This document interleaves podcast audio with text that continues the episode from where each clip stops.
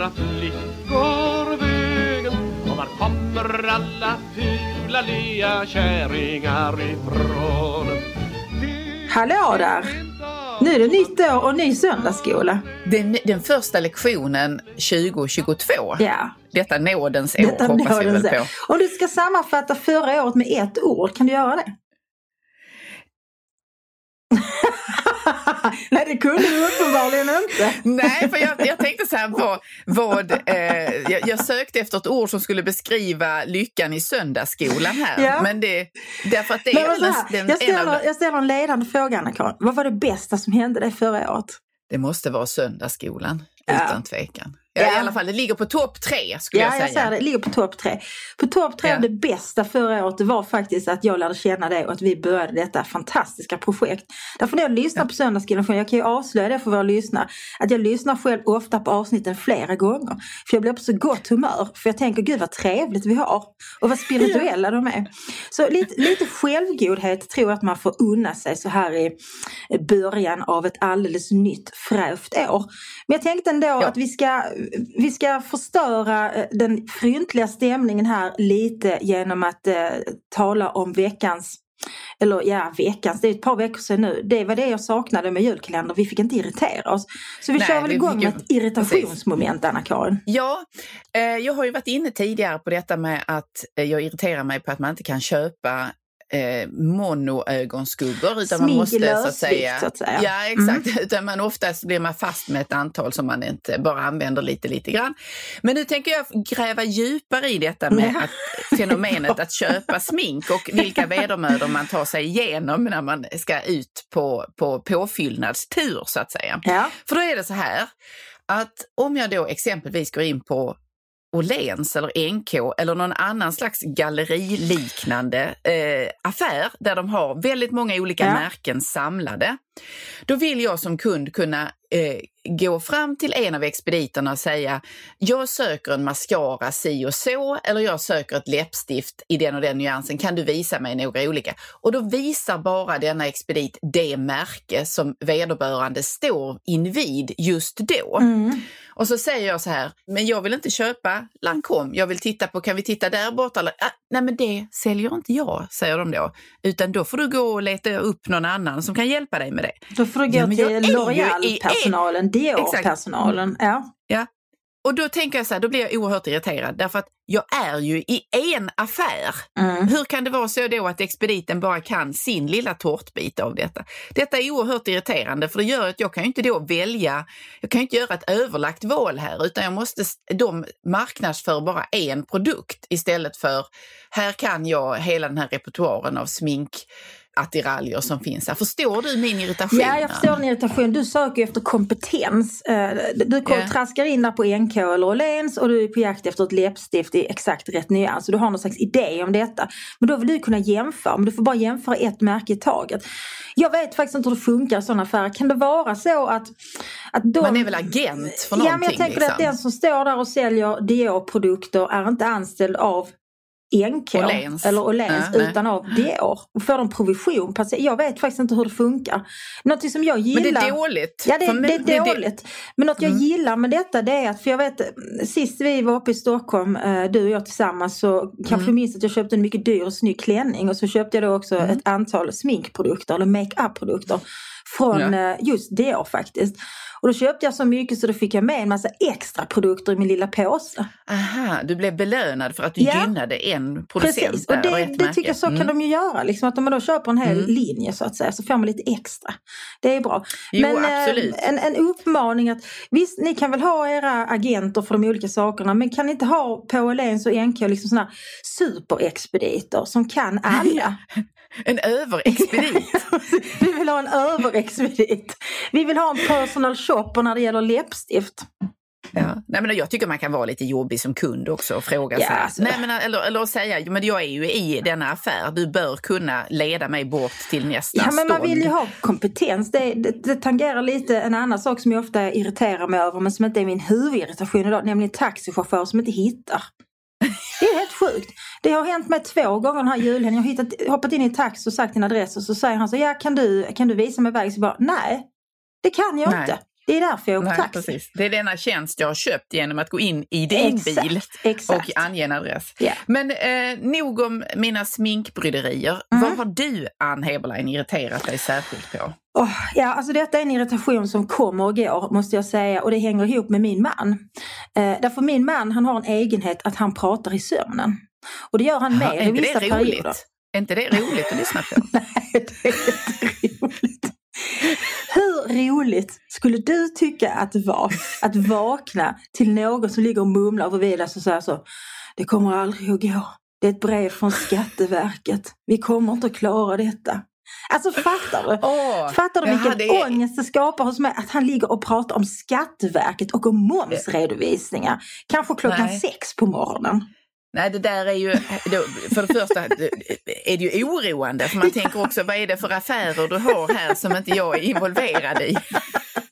Så jag tänker, ska man prata i sömnen på det viset om man nu sover ihop med någon, då får man ju faktiskt ha lite roliga saker. För det, Erik verkar ju ändå vara en rolig och eh, spirituell person. Varför kommer allt detta alltså, Erik nattetid? är en oerhört rolig person som har ett mycket jämnt och trivsamt och godmodigt humör. Jag tror att all hans, den ångest som jag pytsar ut eh, jämt över dygnets alla timmar, den pytsar han ut när han sover. För då kommer Ja. allt det här liksom. Nu i morse sa han så. Det I undermedvetna. morse så sa han så här.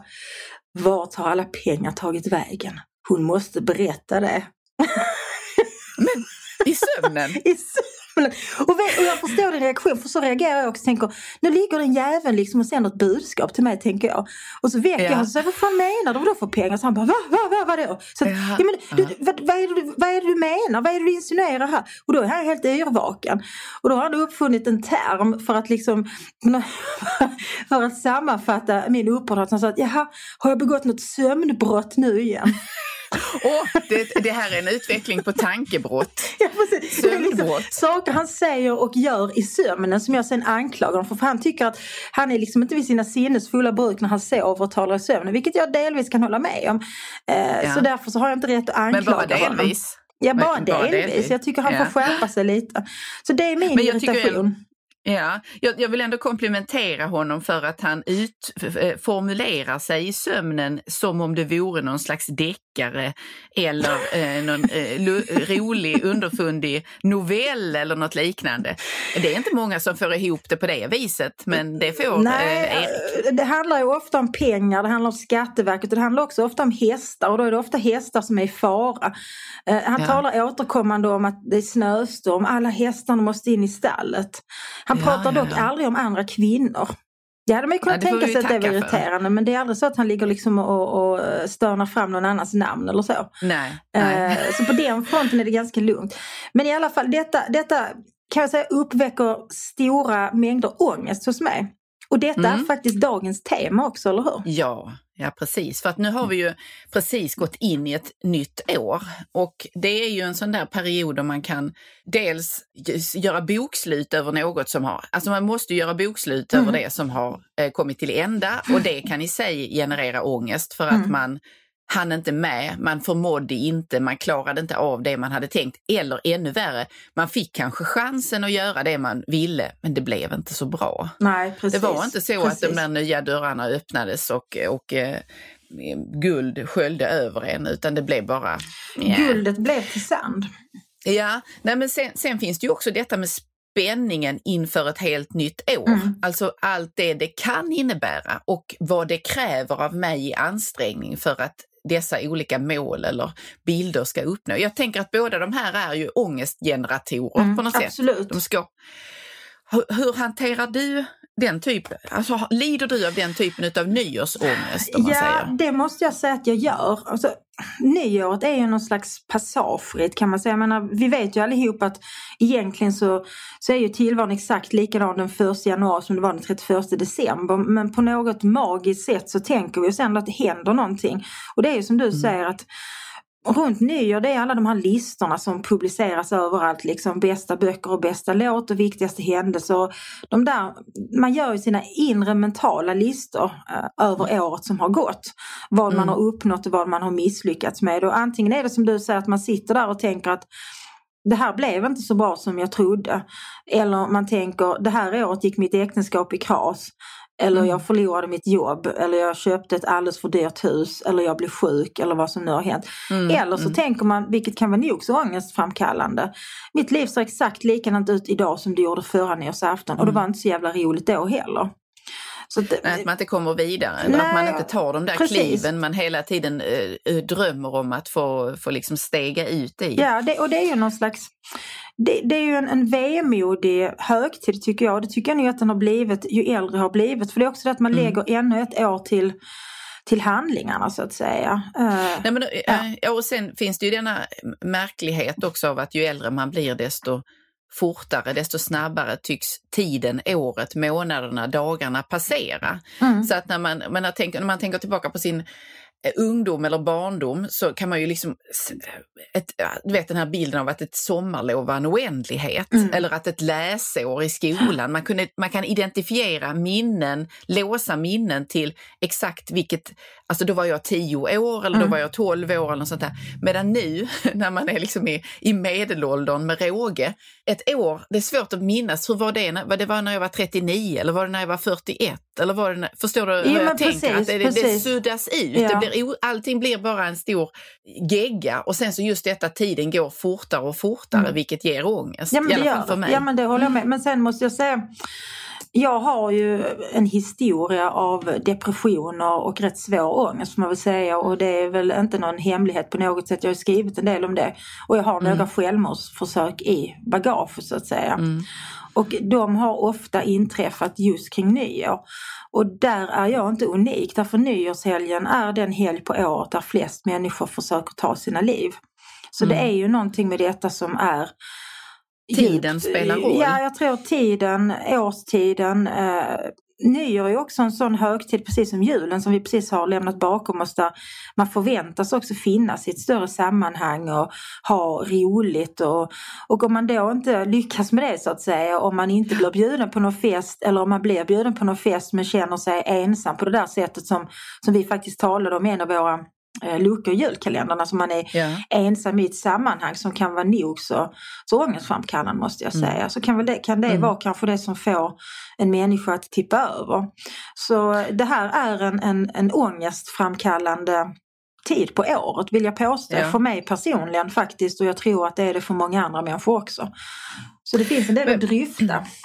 Ja precis, jag tänker på det här med alltså om man ska försöka bena ut då vad Ångest är också ett ord man använder. Man kan använda det på ett vardagligt vis. Att man Ja. säger om det, det, är en, det är något, en litet hinder man stöter på eller en liten Mm. kulle man måste över. Så kan man ändå säga att oh, detta ger mig ångest eller något liknande. Men sen finns det ju den, som du berörde här nyss, den djupa existen- existentiella ångesten som Mm. man kanske aldrig där är det någonting radikalt i livet som måste hända för att man kanske erfar detta med sin kropp och sitt sinne. Jag tänker till exempel på en lång intervju jag läste med den före detta politikern Birgitta Olsson, eh, liberal, Ja, tidigare minister Mm. och så vidare, som drabbats av en väldigt svår cancer. Mm. Och eh, i den här intervjun som var en väldigt vackert porträtt av henne Mm. och tankeväckande på så många sätt. Men så, så sa hon så här att innan man drabbas av detta så tror man att det värsta kommer att vara att tappa håret. Mm.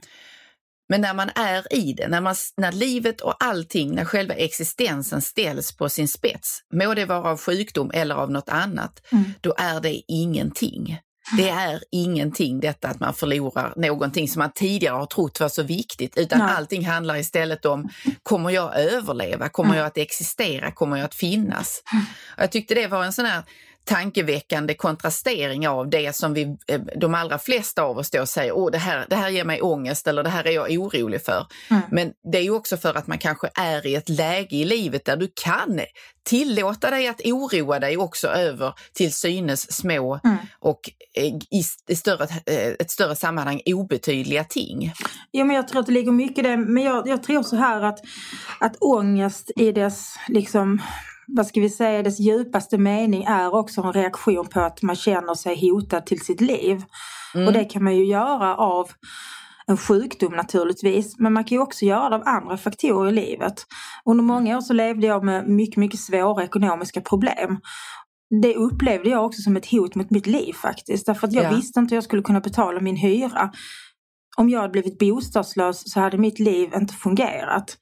Och den sortens situationer kan vi hamna i eh, några gånger under våra liv. Och man kan ju också, därför, man, kan också man kan skilja på olika typer av ångest utan att mm. nödvändigtvis mm. rangordna dem. För att det finns ju den ångesten som man kan koppla till en konkret erfarenhet eller händelse som till exempel ja. en en sjukdom eller en, en svår ekonomisk situation eller en ett havererat... Ja, en sätt. fara. Man kan ju uppleva den sortens fara och hot mot sitt liv när man befinner sig i ett uppbrott också. Om man har levt med någon och plötsligt blir ensam så kan ju det mm. också upplevas på det sättet. Sen har vi en annan ångest som inte egentligen har något objekt. Det är den här ångesten som, som, som jag ibland kallar för någon slags vargtimmeångest. Som man ja, kan drabbas av den där timmen, ofta mellan tre och fyra faktiskt, vilket är den timmen. Det är den värsta. Ja, det är den värsta timmen. Och det är så intressant att det är en så Alltså det är en sån universell erfarenhet att det ofta är precis då som, som människor drabbas av den här svinden som ångesten kan vara men där det egentligen inte är riktat mot något specifikt. Att det handlar inte om hur ska jag betala min räkning eller kommer jag att överleva? Eh, kommer min man att lämna mig? Utan att det är faktiskt en, en, en, en rå och primitiv känsla som inte har det här objektet. Och det är ju kanske ja, en mer, vad ska vi säga, patologisk ångest som är nog ja. så förfärlig måste jag säga. Ja, men jag, jag har alltid tänkt på den, eh, den där timmen som att den, är, att den kommer därför att du har då du har sovit din första fas mm. så att säga och du har då kroppen, hjärnan är delvis utvilad. Och då bubblar saker upp som du inte...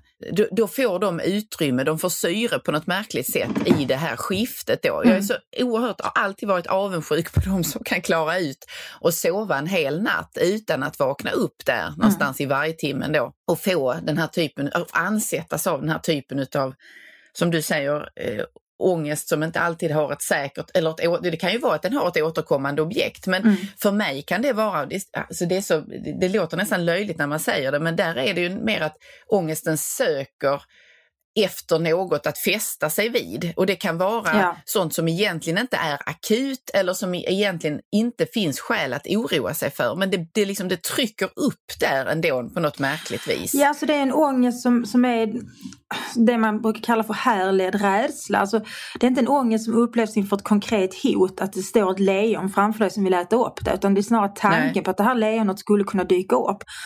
Och det kan ju handla om sånt som när barnen var små så kunde jag oroa mig enormt mycket och drabbas av djup ångest när jag funderade över hur ska de klara sig när de blir vuxna? Kommer de ja, att träffa precis. någon att älska? Kommer de att hitta och det, att, att oroa sig för det när barnen är 6-7 år det är, ju, det är ju inget akut och överhängande men jag tänker också just den här timmen Mm. vargtimmen, då är det, det är tyst. Äh, även om det är någon som ligger bredvid i sängen och det är andra människor i huset så är man ensam. Därför människor som sover är inte närvarande. Det är Nej, mörkt. Precis. Och i tystnaden, mörkret och ensamheten så växer ju till synes rätt triviala problem till helt orimliga proportioner. Ja. Just eftersom det... man erfar dem då.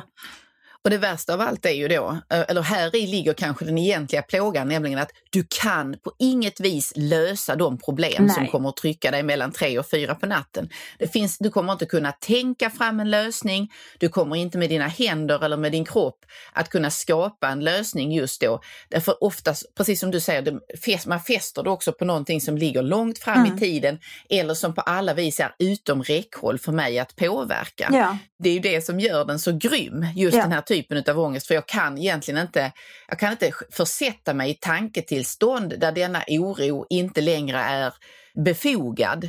Utan visst, den är, den finns ju, det finns ju skäl att oroa sig över det du sa. Hur ska det gå för barnen när de växer upp? Hur kommer livet ja. att gestalta sig då? Men jag kan ju inte, jag kan inte lösa det problemet just nu. Nej, och det är samma Utan det är som bara här. För en, för annan, ja, en annan typ av ångest är ju den ångest man kan känna över saker som har hänt.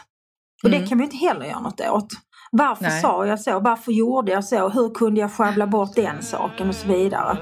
Ja. Har blivit en madam med skunk bak och fram om vi försöker zooma ut ytterligare något mm. för att vi ställer oss frågan vad är ångest mm. och vad, vad liksom, kommer det ur och hur kan vi förstå det? Så vi tar ju hjälp av existentialisterna tänker jag mm, i att absolut. förstå det. det. Sartres idé om eller beskrivning av människans eh, plikt att välja eller att, att handla Mm. och att eh, det är i detta våndan över att välja och fatta beslut. Hur ska jag göra? I vilken riktning ska jag gå? Vad gör jag mm, för min nästa eller vad gör jag inte?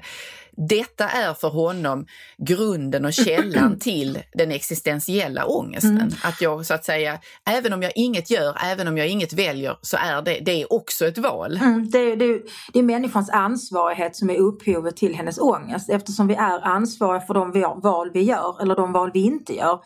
Ja. Så, så leder det oundvikligen till ångest därför vi hade alltid kunnat handla på ett annat sätt och vi kan inte vara riktigt säkra på utfallet.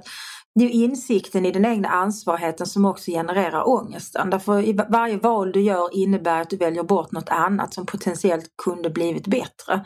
Så det är ju en del Ja. av, av människans villkor eh, menar Sartre och jag tror att han har en poäng i det. Eh, Ja, jag, jag, det, för, det tror jag också. Eller jag, alltså man kan ju tycka att det finns en pessimism i det, men jag väljer inte att se det på det sättet. Utan vad han gör är ju att han tillskriver människan en enorm kraft Mm. och en, en eh, möjlighet att faktiskt göra en väldig skillnad både för sig själv och för andra. Mm. För i det ligger ju också att de valen du fattar eller de val du inte fattar, de har också betydelse för andra bortom dig själv.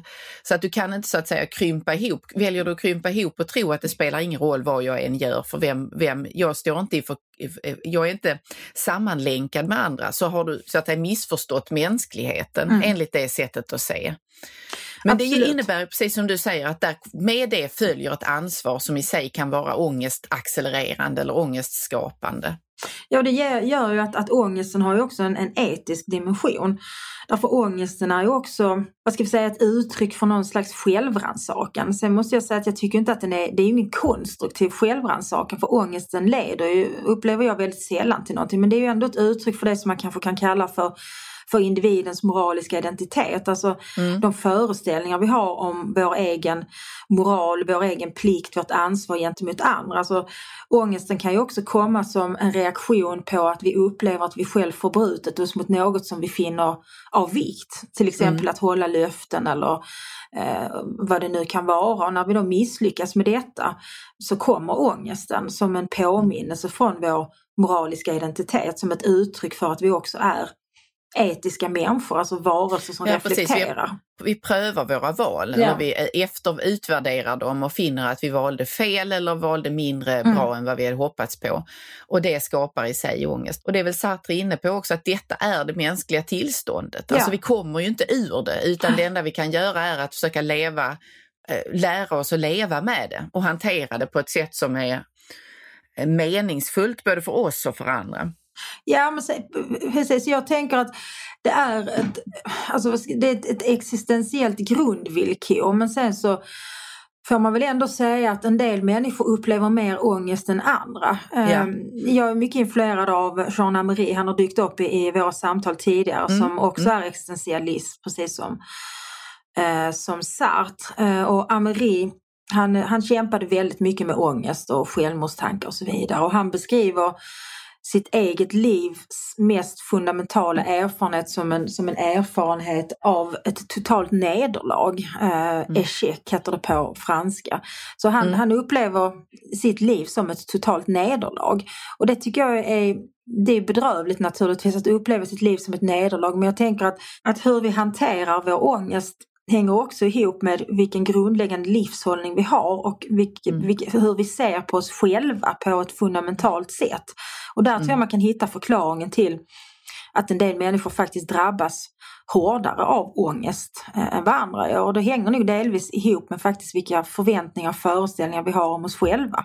Ja just det, Sj- självbilden eller Ja. alltså själv, Självbilden, denna självgranskande. Ja, Ja, för jag tänker att det handlar om alltså just hur man har en, själv, en granskande blick på sig precis. själv. precis. Och hur hård man är i att döma sig själv. Det, det, där ur kommer nog olika eh, portioner av ångest. Mm. Är man oerhört dömande mot sig själv så får man också en stor portion konstant ångest närmast.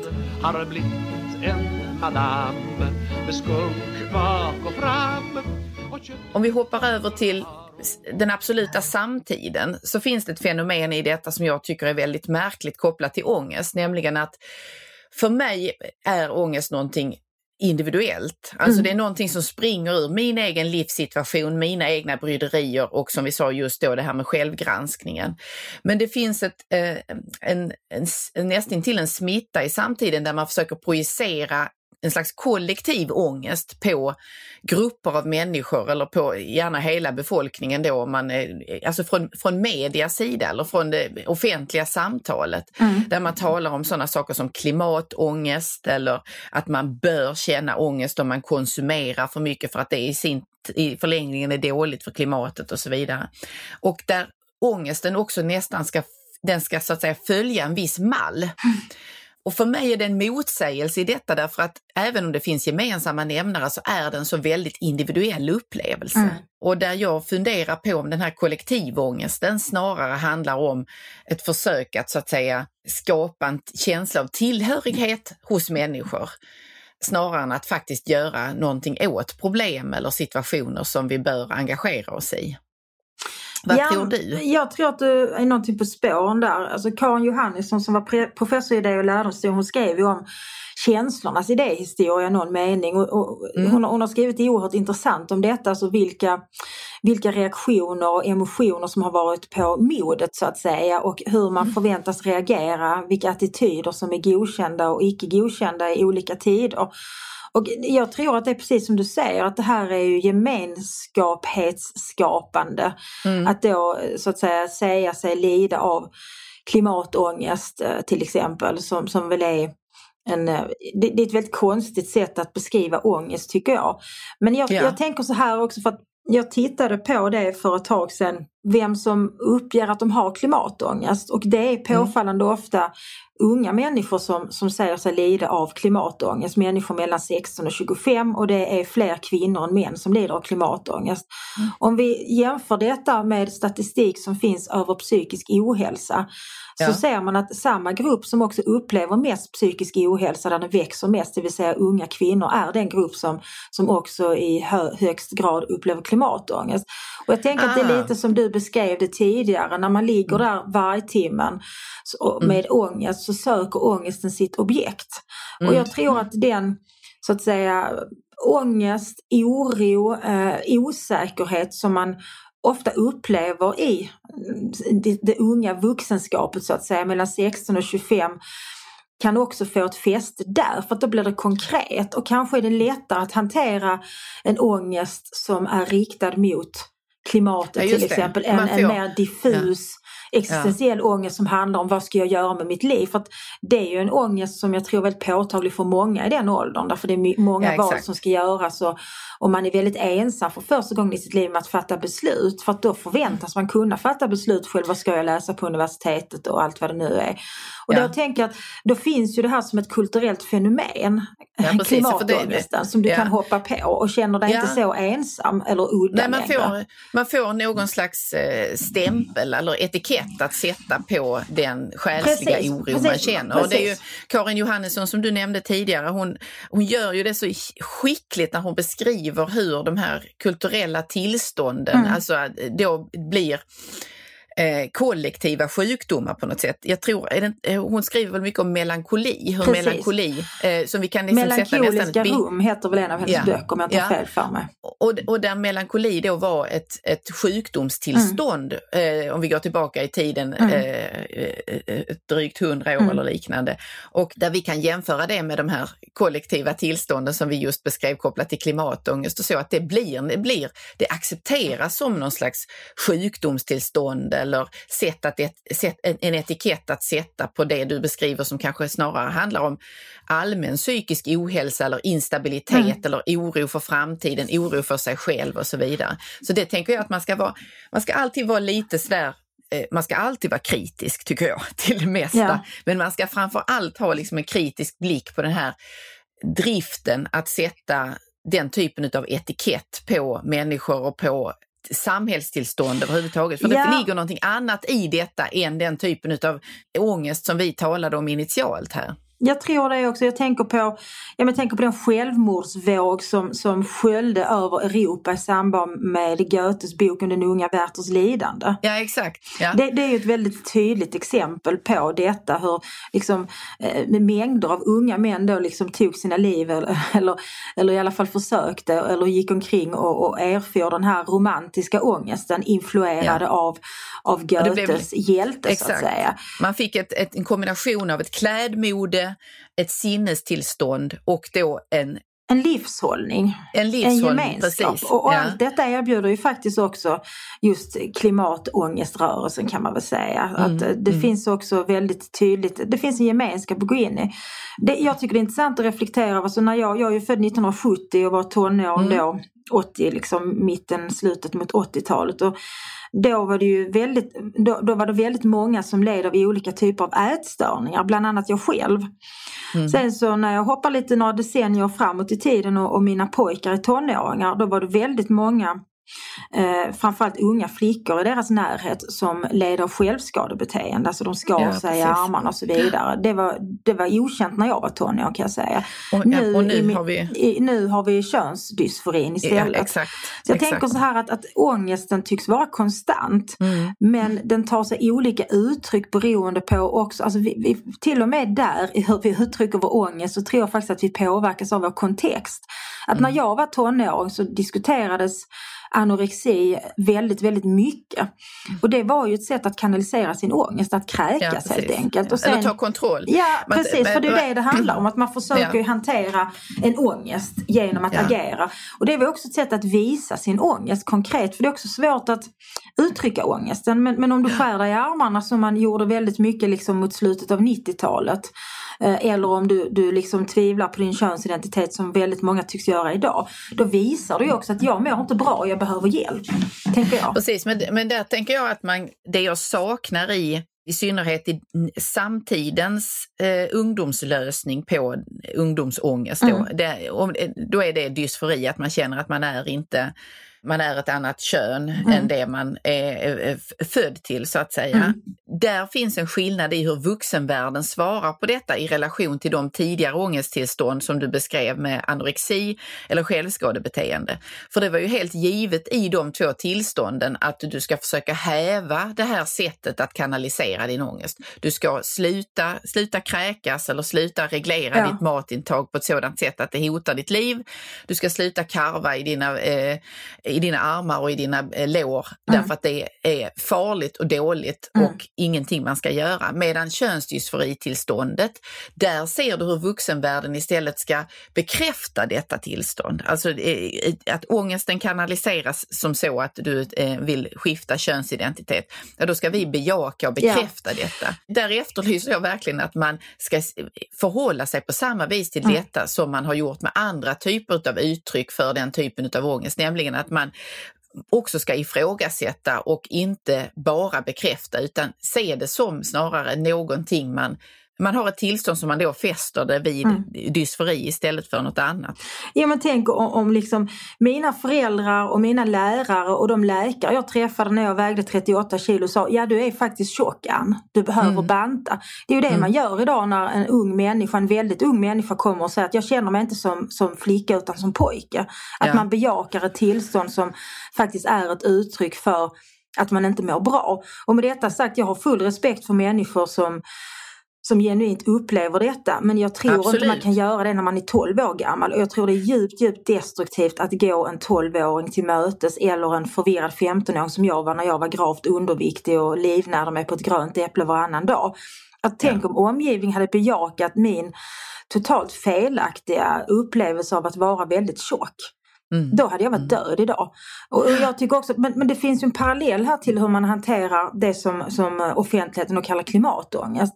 Att mm. istället för att liksom lugna den unge och säga nej, världen kommer inte gå under om tio år. Så uppmuntras denna klimatångest. Ja, Greta Thunberg säger att ni ska vara rädda. Alltså jag tycker det är så mm. oerhört provocerande för jag tycker faktiskt att man, man påverkar en hel generations mentala tillstånd på ett sätt som jag finner djupt destruktivt mm. genom att uppmuntra och elda på den här ångesten. Därför att ångest är faktiskt mycket, mycket sällan produktivt. Nej, men exakt och det är väl det som ligger i, i råden här eller i det vi själva eh, utifrån den ångest vi upplevt eller fortsatt, fortsatt ansetts av mm. på olika sätt och vis. Att ibland handlar det om att den som är en närstående, de som är allra närmst en i familj och så faktiskt ska svara på när man uttrycker ångest att man kanske helt enkelt ska säga detta är inte farligt, detta är helt irrationellt att du är rädd för det här, detta kommer inte att hända det du befarar, utan mm. helt enkelt avfärda ångestens källa som den, den finns inte. Det, detta är inte någonting du ska oroa dig för. Ibland, det vet ju både du och jag, ibland är det faktiskt det som blir lösningen också. Att, att någon så att säga håller upp en spegel och så ser man, nej men det, det, du har rätt. Detta är ju inte någonting jag behöver oroa mig för. Nej, men, precis, precis. Som, men ibland, men, alltså det handlar om lagoma doser av mm. att bli tagen på allvar och ibland, ibland faktiskt också bli avfärdad i det man uttrycker som en källa till oro. Därför att det är inte det. Nej, och jag tänker också det är viktigt att hela tiden påminna både sig själv och människor i sin närhet som lider av ångest att det där är inte sant. Det är en känsla. Nej, därför att ångest är ofta också förknippad med starka känslor av självförakt och av själväckel och självhat. Och, ja, men en upplevelse av att vara värdelös, att inte vara värdig att erfara lycka eller vad det kan vara. Och då är det viktigt att påminna sig om att nu är det faktiskt min hjärna som spelar mig ett spratt. Därför det är inte mm. sant att jag är en föraktlig varelse. Det är inte sant att jag är värdelös. Det är bara så jag känner det. Och känslor är inte sanna i den bemärkelsen. Nej. Det är inte heller sant att världen kommer att gå under. För det är snarast en känsla skulle jag vilja påstå. I alla fall att den skulle gå under om tio år. Ja. så det, men, det där ja, tycker jag är en viktig distinktion att skilja mellan känslan och vad som är sant och vad som är fakta och vad du faktiskt kan påvisa i någon mening. Ja. Men jag, jag tänker också så här att om man tar lite så här, eh, köns eller genusperspektiv mm. på ångest så har vi ju inom det litterära fältet så finns ju en skildring av ångest eller av eh, vankelmod och misstrivsel. Det finns ju i Sylvia Plaths texter ja. och också i hennes livsbana då som blev väldigt kort. Hon levde tillsammans med en annan författare. Ted han var, poet, po, var han, han var poet, poet precis. Ja, precis. Ja. Han var skapande, hon var skapande. Men han fick mycket mer utlopp för detta där hon var fast vid att eh, sköta barnen och mm. ha hand om hemmet eh, och valde i ett väldigt tidigt skede av livet att avsluta livet för egen mm. hand. Och det har ju på något sätt stått som en... Hon har ju kommit att minnas och bli omtalad, kanske mer för, i, i nutiden i alla fall, så talar man mer om detta med just att hon hade ångest för att hon vantrivdes i äktenskapet eller mm. att hon inte fick utlopp för sin kreativitet och sitt skapande. Och jag tänkte kontrastera hennes livssituation eller öde mot en text som för en tid sedan publicerades i DN av Ardelius heter han va? Gunnar Ardelius, ja precis. Ja, exakt. En en författande man som beskriver hur han drabbas av någon slags ångest när han å ena sidan vill vara med sin familj, å andra sidan förverkliga sig själv, pröva sin mm. kropp och så åker han Vasaloppet och lägger otroligt mycket tid på att förbereda sig för detta Vasalopp när han just är nybliven trebarnsfar. Och hans hustru som också är författare är hemma med, med ungarna och tar hand om dem. Sylvia Plath har ju lite blivit en hjälte i efterhand för det hon beskrev och det liv hon hade. Medan ja. den här Adelius blev ganska nerrackad för det han beskrev som exakt samma kluvenhet mellan att vara vilja vara med sin familj och sen samtidigt vilja förverkliga sig själv och därigenom också fly familjen. För för mig är det samma typ av ångest egentligen. Det är bara det att man sätter olika etiketter eller man viktar den olika beroende på om den springer ur en kvinnas utsatthet eller dubbla roller kontra då en man som uttrycker samma sak. Mm. Hänger du med i hur jag tänker? Ja, jag hänger med hur du tänker. Mm. Jag, jag gjorde faktiskt samma reflektion eh, när jag såg reaktionerna på Ardelius text. Där han eh, blev liksom, eh, han blev väldigt kritiserad för detta. För en man får uppenbarligen inte lov att längta bort. En kvinna får fortfarande göra det. Jag menar jag såg, det var bara några veckor sedan, det var någon på Expressens kultursida som skrev om kvinnors behov av ett eget rum för sitt skapande och så vidare. Ja. Om man utgår från att, att män alltid har det där egna rummet. Men jag tror att med den moderna mansrollen så så upplever ju män samma sorts ofrihet och instängdhet i ett familjeliv som kvinnor har gjort väldigt länge. Mm. Därför männen har ju haft privilegiet tidigare att kunna ha ett liv utan familjen och jag tänker att lösningen på detta dilemma det är ju knappast att, att båda ska känna sig lika ofria utan det är väl snarare att vi ger varandra tillräckligt mycket frihet och delar på det vi måste. Jag tänker också att det är ett mänskligt tillstånd som beskrivs. Ja. Det är ju det är vi som är kortsiktiga och gör oss dummare än vad vi är när vi tror att det här är så att säga det kvinnliga dilemmat eller den manliga egoismen som kommer till uttryck. Utan nej, det är det inte i min läsning av vare sig i min läsning av Plath och Ardelius så är det ett mänskligt tillstånd, ett mänskligt dilemma som beskrivs. Ja men det, jag delar absolut din analys. Jag, jag skrev för ganska många år sedan nu en bok som heter Jag vill inte dö, jag vill bara inte leva. Mm. Och den boken skrev jag en sommar när jag var djupt deprimerad och eh, planerade att ta mitt liv. Så min tanke med den boken var att den skulle publiceras efter min död. Och det var av olika skäl jag, jag gjorde, valde att göra så. Dels för att mm. jag tänkte att den skulle inbringa pengar efter min död och därmed skulle på något vis eh, säkra mina barns framtid ett tag i alla fall. Men det ja. handlade också om att jag ville äga min död. Därför att Sylvia Plath, precis som Victoria Benediktsson och ett antal andra kvinnor, Virginia Woolf till exempel, som mm. har tagit sina mm. liv, de har också blivit kidnappade av feminister yeah. faktiskt. Där feminister har stulit deras liv och deras självmord för att statuera ett exempel. Vad vet ja, vi egentligen om varför Sylvia Plath valde att ta sitt liv? Var det verkligen liksom ett självmord i någon slags feministisk anda eller handlade det om något annat? Mm. Och varför tog Victoria Benediktsson sitt liv på det där hotellrummet? Var det verkligen mm. för att den här litteraturkritikern vars namn jag, jag nu har glömt. Georg Brandes. Georg Brandes var så Nej. genuint elak mot och så vidare. Jag mm. ogillar starkt detta. Det var lite mm. samma som när Yahya Hassan, den danske poeten, eh, han, han, han dog här nu här förleden under året. Och då skulle han plötsligt bli liksom, liksom ett offer för någon slags rasism. Mm. Och det gör mig så oerhört upprörd faktiskt när människor stjäler andras liv för att göra någon slags jävla ideologisk poäng. Så därför ja, skrev jag min bok och tänkte att när jag har tagit mitt liv så ska ingen jävel komma och berätta varför jag tog mitt liv utan det berättar jag själv i den här boken. Ja, det. Eh, och det tycker jag handlar om någon slags anständighet och respekt för människor faktiskt. Ja. Men det är väl en del av Alltså detta med att göra sig dummare än vad man är, alltså ja, samtidens dile- eh, Och förenkla saker. Ja, nyanserna försvinner, komplexiteten försvinner och så är det bara, det var, fanns ett skäl och det finns en bov här. I ja. Sylvia Plaths fall så är det då hennes make Ted Hughes som är framställd som ett ego, han är boven och så vidare. Men det finns ja. ju precis som i det du beskriver du ville göra med din bok där, så finns det ju faktiskt andra exempel på eh, litterära texter eller självbiografier, mm. eller där man skriver, för det är inte biografier, men där man skriver sina memoarer, där just, där just de här nyanserna kommer fram. Alltså där det inte är så att det är den manliga geniet som har eh, ätit all tid på bekostnad av den kvinnliga hustrun som också skapar, utan det har, det har funnits någon slags maktkamp dem emellan där de har varit, är det inte Märta Tikkanen som har skrivit en jo. sådan bok? Ja det finns något märkligt i att vi idag som har tillgång till alla, vi har alla möjligheter att skapa oss de här nyanserna av det mänskliga tillståndet men vi tycks bara reducera det mer och mer istället. Ja men är inte också kvinnor alldeles för förtjusta i offerrollen? Jo, det, det, det är ju en det är ju ett enkelt sätt att alltså, nu inser liksom att en massa kvinnor kommer bli jättearga på mig.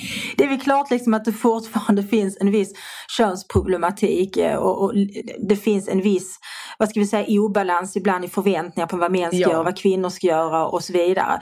Men det är trots allt som du säger att vi har mm. möjligheter och då tycker jag att att kvinnor, inte minst kvinnor som, som påstår sig vara feministiskt orienterade, de alldeles för lättvindigt eh, liksom klär på sig offerrollen för att mm. de vinner mm. någonting på det. Eh, jag tycker vi ska ha ett avsnitt, en lektion om feminism så småningom för trots det jag absolut. säger nu så upplever jag mig absolut som feminist. Jag kallar mig sällan feminist eftersom det har blivit så liksom förknippat med, med en massa saker som, som jag inte gillar men jag tycker att feminist är man i praktiken. Ja, eh, och, och en av de saker som är viktiga det är väl just att inte, att inte bara avfärda allting som ett uttryck för patriarkalt förtryck utan faktiskt också se sin egen roll och sina egna möjligheter så att säga. Nu snarkar han när det inte kluckar i grogglas Men om vi vandrar vidare lite i såna här litterära mm. eller filmiska beskrivningar av ångest. Jag har tre spår där när jag tänker på eh, gestaltningar av ångest. Den ena är Alltså det sven, den svenska miss, äh, tungsinnet, det svenska tungsinnet mm. gestaltat av Ingmar Bergman i en serie olika filmer där kanske det sjunde inseglet är den dystraste av ja. dem alla. Men sen Woody Allen som ju inspirerats mycket av Ingmar Bergman och som har försökt göra sina New Yorkiga eh, skildringar av mm. samma frågeställningar, samma familjegräl, samma familjekonstellationer. Där man ser väldigt tydligt att han är inspirerad av Ingmar Bergman. Ja. Men där problemet för mig med att ta hans filmer på på större allvar eller på lika stort allvar som jag har gjort med Bergmans, det är att han alltid, han, han figurerar ju alltid i dessa filmer själv, nästan mm. alltid i alla fall. Och han är en sån otroligt vek och förvirrad och handlingsförlamad person. alltså hans rollkaraktärer är alltid så, liksom, de är så menlösa på något sätt och förvirrade. Och det gör att jag, jag blir nästan, jag blir alltid irriterad på Woody Allen. I, inte på filmen som den, filmen kan ge mig någonting, men hans ångestridna karaktär stör mig alltid. Jag får ingen sympati för honom. Nej, Hur känner men, du? Ja, men jag kan lite hålla med om det när det gäller, alltså, jag tänker liksom de Bergmanska skildringarna och faktiskt i viss mån också Norén, det är ju liksom ett uttryck för någon slags folksjäl. Alltså ja. särskilt Bergman är ju det, liksom det, det är det svenska tungsinnet medan Woody Allen där är det ju väldigt individualiserat och möjligt kopplat till det judiska för det är också en judisk gren i någon ja, mening precis. den här sortens ja. ångest. Men det som jag kan irritera mig på med Woody Allen det är, alltså det, är det här analyserandet. Det är lite som man har en, en, en väninna som i sju år älter sitt dåliga äktenskap. Mm. Och då till slut kommer jag till en punkt där jag känner så att okej, okay, liksom, nu, nu har du ält det här jävla pissiga äktenskapet i åratal. Antingen så mm. lämnar du honom eller så accepterar du bara att det är pissigt och håller käften. Ja, jo precis. Att det, är liksom, det... Det, det är inte kreativt, det leder ingenstans och det kan jag tänka mig. Därför liksom Woody Allens filmer, de är ju... Ja men det är det här terapeutiska psykoanalytiska tugget som jag kan ju avslöja att jag har gått i många olika sorters terapier och jag tycker att psykoanalys är värdelöst. Man mår bara mm. sämre av det och det skapar oerhört självupptagna individer. Faktiskt. Ja, men och det ger också så, det innebär också att du har en, ett svar på alla, ja. alla ångesttillstånd, all oro. Det är, så, det är din barndom. Ja precis, och i, all, i allmänhet är det mammans fel naturligtvis. Ja. Nej, men jag tror inte så mycket på den sortens eh, ältande och det irriterar mig, för Woody Allens karaktär är en sådan ältare. Ja han är en terapisession som aldrig tar slut. och vem fan vill gå och se det på bio? men, men, eh, men om man liksom ska avrunda det i en klassiker verkligen, ja. som jag tycker uttrycker ångest, eller vanmakt kanske snarare, så är det ju Hamlet. Mm. Shakespeares Hamlet, där den unge prinsen igenom de här akterna, går igenom där han vacklar. Vad, vad ska jag göra? Ska jag mörda denna man som mördade min far, troligen? Mm. Och kan mm. jag vara säker på att han mm. i så fall gjorde det? Är det rätt att göra mm. det? Och, eller ska jag, ska jag avsluta mitt eget liv? Ja, men vad mm. händer om jag gör det? Kommer jag vidare? Kommer jag in i nästa liv då? Eller är det slut?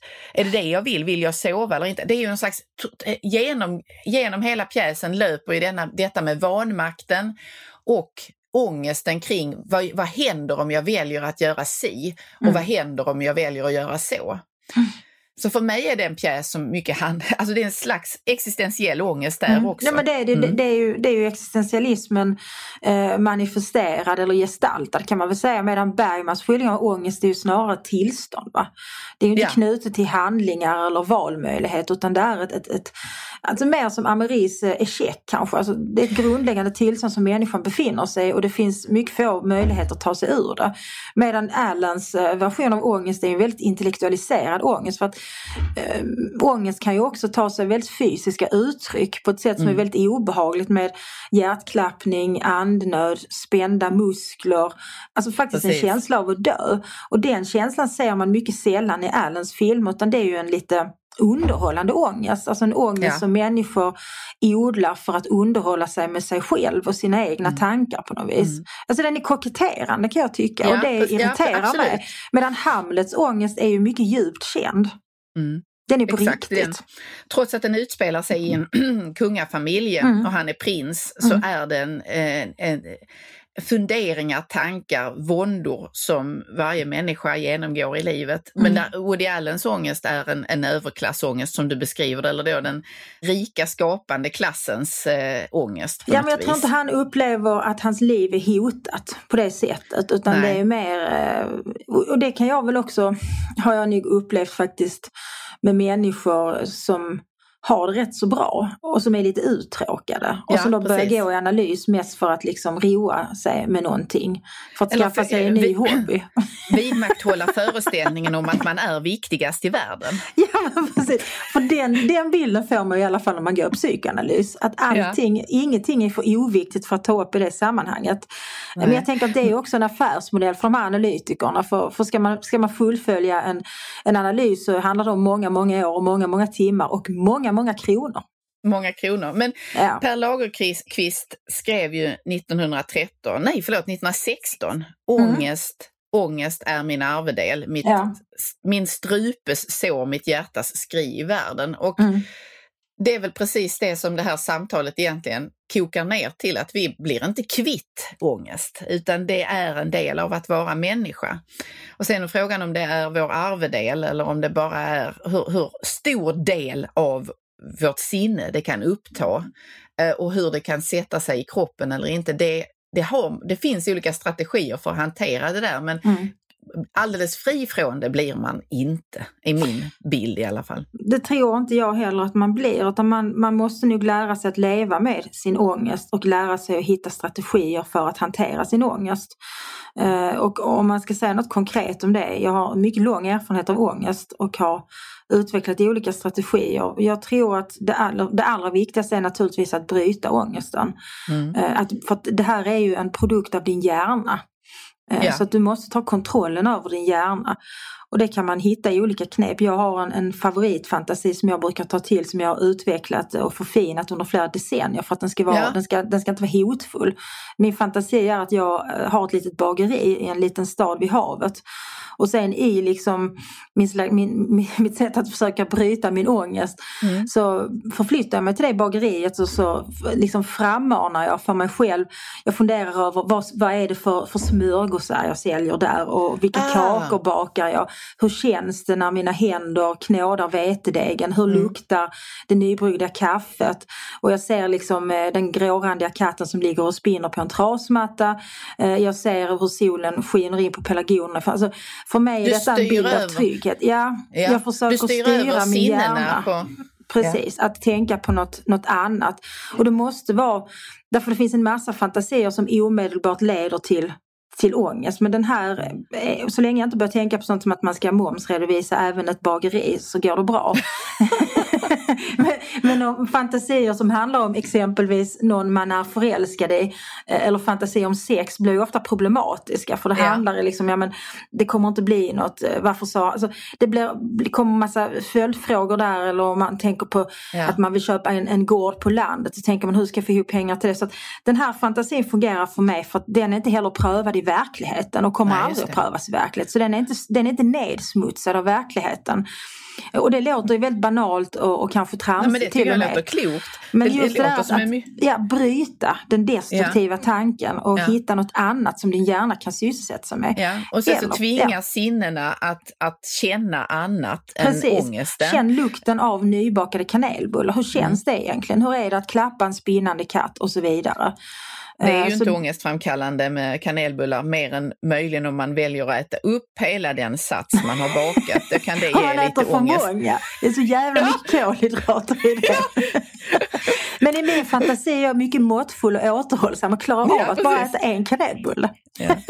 Men, eh, vi- men vi kanske ska avrunda med Jag denna, detta det. mycket goda råd av hur man kan göra och ni har era egna fantasier. Det, det, de får man isolera beroende på Ni får hitta vad man har var för min fantasi. Ni får Ja. gärna låna den men det är inte säkert Ja. den funkar för er. Vad generöst av dig tycker jag. Ja. Och det Vi kan vara många på mitt café tycker jag. Ja, men eh, med detta har vi inlett 2022 för Söndagsskolan. Det har vi. Eh, och vi hoppas att det ska komma, vi vet att det kommer många eftertänksamma lektioner eh, som bjuder både på stora och små tankar på irritationsmoment, goda råd och allmän upplysning till mänsklighetens gagn.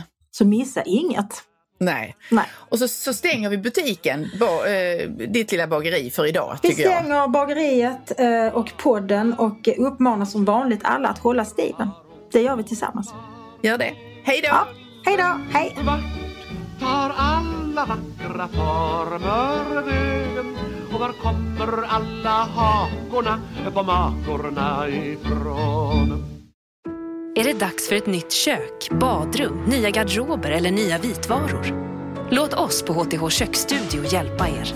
Med erfaren personal och brett sortiment guidar vi er hela vägen till färdigt resultat. Dela upp er betalning räntefritt upp till 36 månader.